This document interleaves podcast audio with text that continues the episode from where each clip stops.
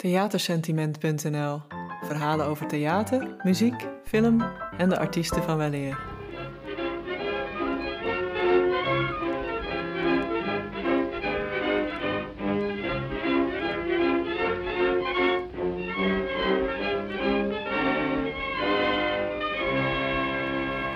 We schrijven juli 1929, 17 juli als ik het goed heb. Scala Theater, Den Haag. Een prachtig theater. Een stampvolle zaal. Het doek gaat op, het licht gaat aan en dan, dan wandelt het mannetje het podium op. Zwart jasje aan, bolhoedje op, zo'n gewoon kloffie en hij blijft staan bij een bord met daarop stembureau. En dan begint hij te spreken, met die heese piepstem van hem. Ik ben de sigaar, ik moet gaan stemmen. En als ik dat Ik niet moet doe, gaan stemmen. En ik voel er niks voor. En nou hebben ze me verteld, als je niet gaat, krijg je drie gulden boete. En ze binnen met honderd man in die kamer. Dat is drie centen per persoon. Dat gun ik ze niet. Wat kan mij nou die kamer schelen? De keuken interesseert me niet eens. Maar ik heb er een trucje op. Ik stem blanco. Daar kunnen ze je niks van maken. Kan mij het nou schelen? Als je stemt of niet stemt, het blijft allemaal hetzelfde. De kleine man krijgt de klappen. Dan klinkt de muziek en zet hij zijn lied in. En we hebben het hier natuurlijk over Louis Davids. Deze magistrale artiest en entertainer zal vanavond een onverwacht en groot succes behalen. En misschien wel zijn grootste succes tot dan toe. Sterker nog, hij zal theatergeschiedenis schrijven.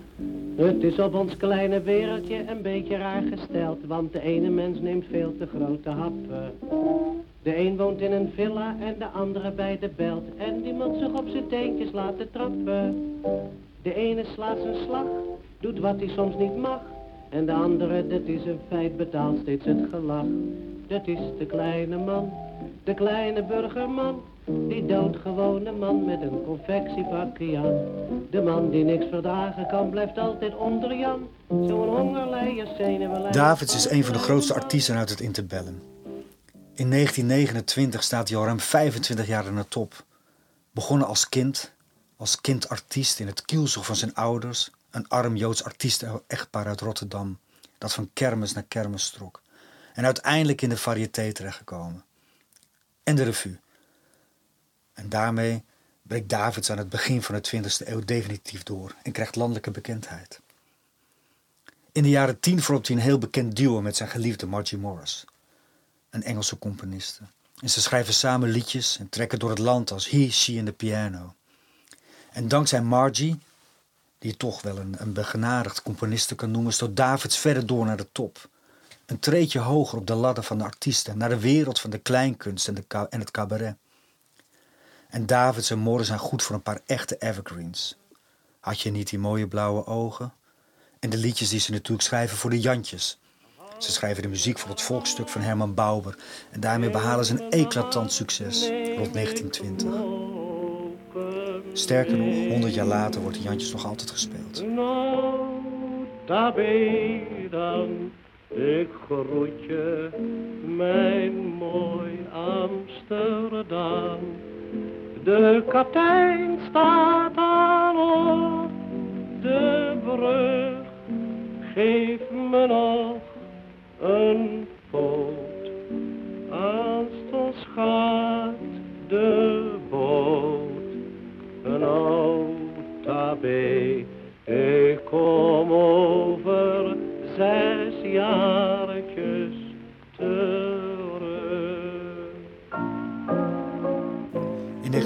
1929 beleeft Louis Davids met De Kleine Man zijn grootste succes tot dan toe.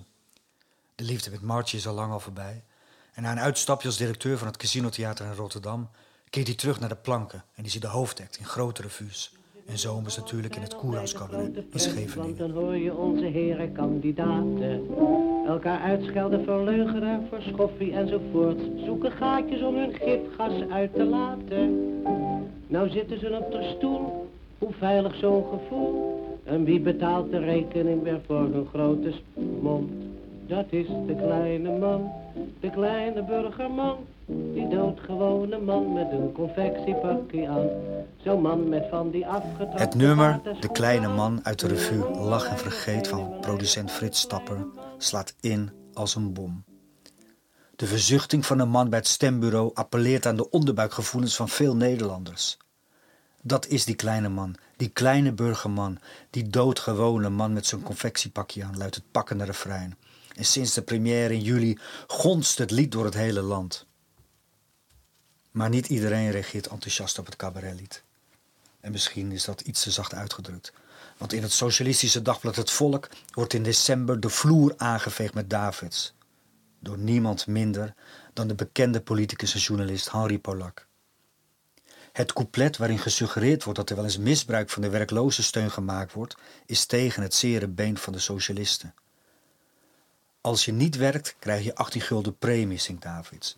En nou zijn er veel slampampers die zijn liever luider moe en die denken nou die 18 pik die neem Polak ziet het als verraad door volksheld Davids en laat dit ongenoegen in bombastische volzinnen blijken in de krant.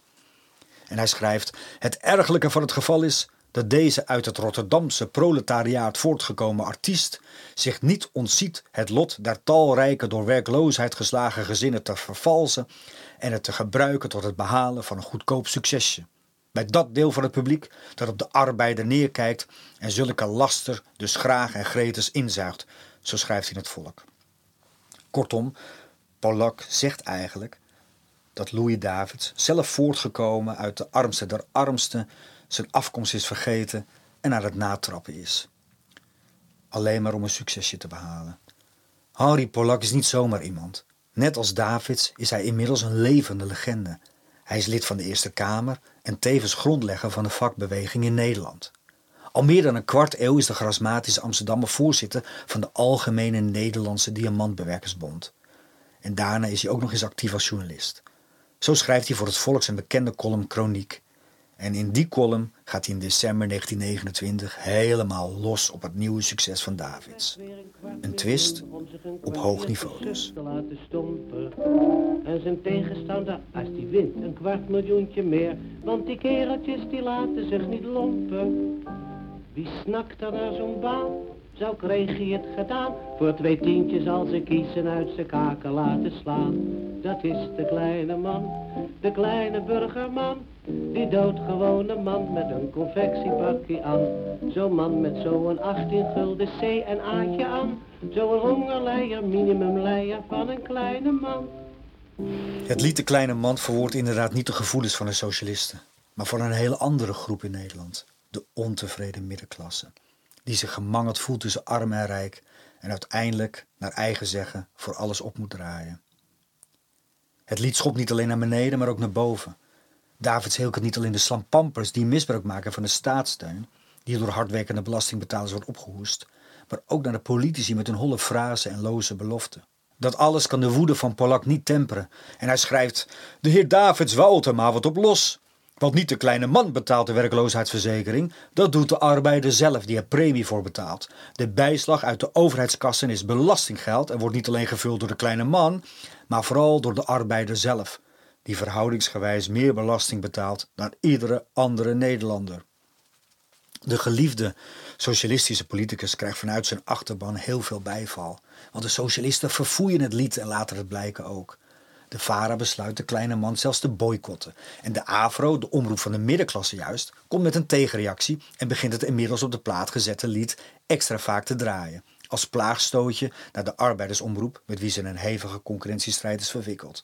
We hebben het over een diep verzeild Nederland in die dagen. En dat de kleine man zoveel losmaakt, is wel goed nieuws voor producent Frits Stapper. Het succes betekent de redding voor zijn revue Lach en Vergeet. Die verder nogal wat mankementen vertoont, als we de recensies uit die tijd mogen geloven. De voorstelling is in juli 1929 in première gegaan in Skaal in Den Haag. En naast David spreken de namen van Johannes Heesters, Ninon Donay, Kobe Kelling en Willy Walden op de affiches. Het uitgangspunt is De reis om de wereld in 80 dagen, het boek van Jules Verne zodat de revue publiek naar verschillende landen verplaatst. Onder meer naar de Balkan, eh, de tsaren van Rusland, het oude Griekenland. En ook de voorstelling zelf trekken rond, zoals gebruikelijk is in die tijd. Na Scala gaat het eerst naar uh, Tivoli in Rotterdam in september. In oktober en november naar Theater Carré in Amsterdam. En vervolgens nog enige maanden trekt de voorstelling door de provincie. De act van Davids bij het stemlokaal, met het beroemde lied aansluitend, blijkt de eerste avond al een schot in de roos. Rido, pseudoniem voor journalist Philip Pinkhoff, is mede-auteur van de revue en ook nog eens de zwager van Louis Davids. Hij is getrouwd met Heintje Davids. En hij ziet het wonder die eerste premièreavond met eigen ogen gebeuren. En hij schrijft later: Het doek gaat op en daar staat een kleine bordje met stembureau erop. Daar lachen de mensen al om. En dan komt Lou op, in dat prachtige type van die schlemielige, hongerige kleine man. Hij wordt met applaus ontvangen. En meteen is het alsof de mensen de slagen ruiken, want ieder zinnetje is raak. En als hij besluit om niet te stemmen, maar om de boete te nemen, barst de zaal los. Maar dan, als het liedje is gezongen, als de stem van zwijgt, blijft het eerst even stil. De mensen in de zaal zitten ademloos, totdat, totdat ze ineens losbreken. Ze staan op de banken, verbeeld u eens in, in dat deftige scala, op de banken. En dat hij het heeft moeten herhalen, zingt de hele zaal het uit zichzelf mee. Aldus Rido. Het had weinig gescheeld of het lied was niet eens in de revue terechtgekomen, want volgens Rido wilde Davids het eigenlijk helemaal niet zingen. Hij schrijft: Davids diepte uit een van zijn laadjes nog een oud liedje van hem op. Hij kwam ermee bij me en met de grootste onverschilligheid noemde hij het een soflied. We namen het samen door aan de piano en mij pakte het wel. Het was de kleine man. Laat mij er anders maar een aanloop bij maken, zei ik nog. En vervolgens schreef ik de scène bij het stemlokaal erbij. Dat pende ik in een eh, minuutje of twintig op. Maar mijn zwager zei: Oh, die veiligheid speel ik niet. Ik heb hem op allerlei manieren moeten bepraten om hem over te halen. Inmiddels weten we dat het liedje dat David uit zijn laadje trok niet door hem, maar door zijn tekstschrijver Jacques van Tol is geschreven.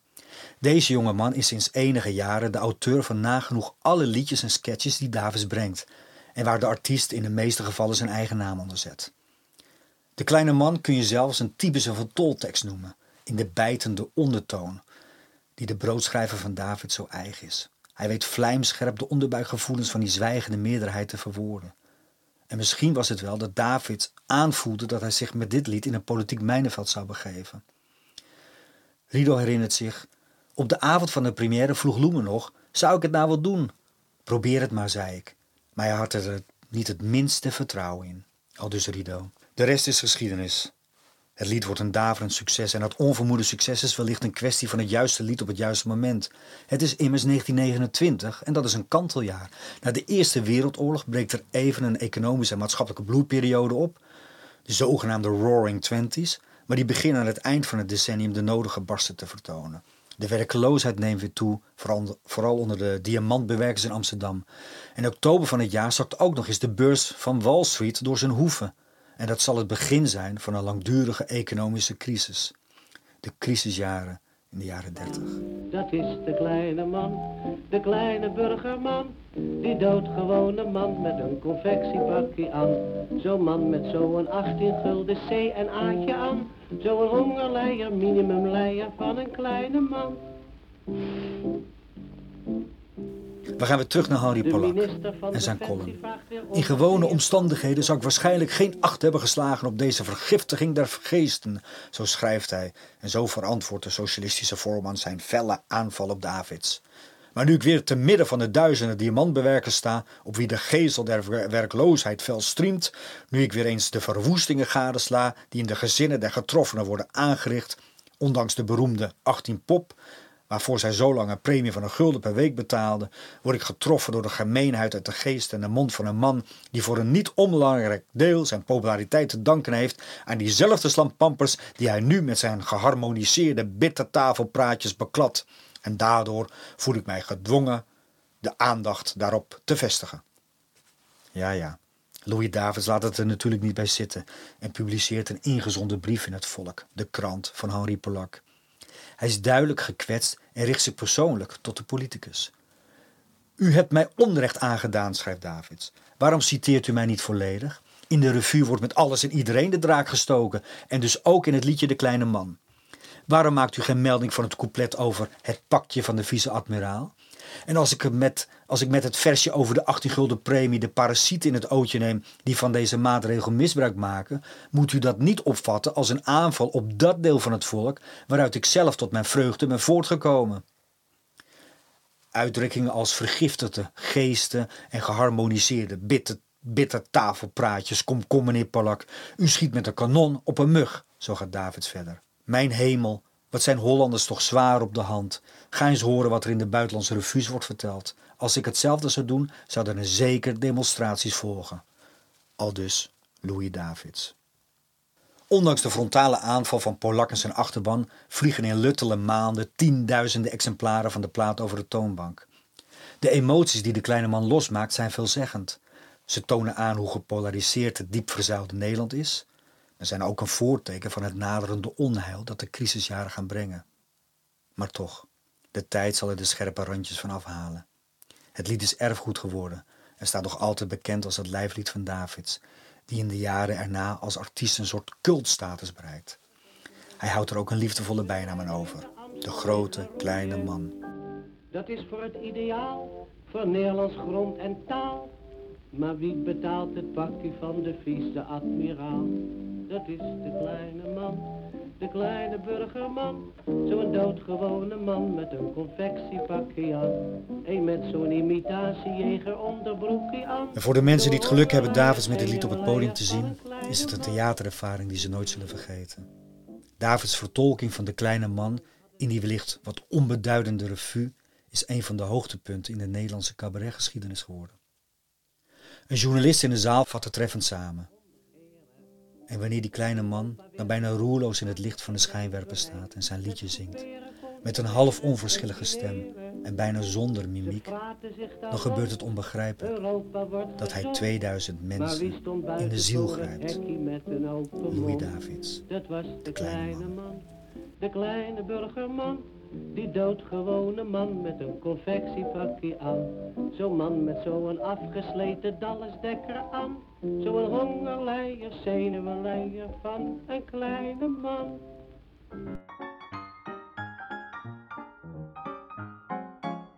Theatersentiment.nl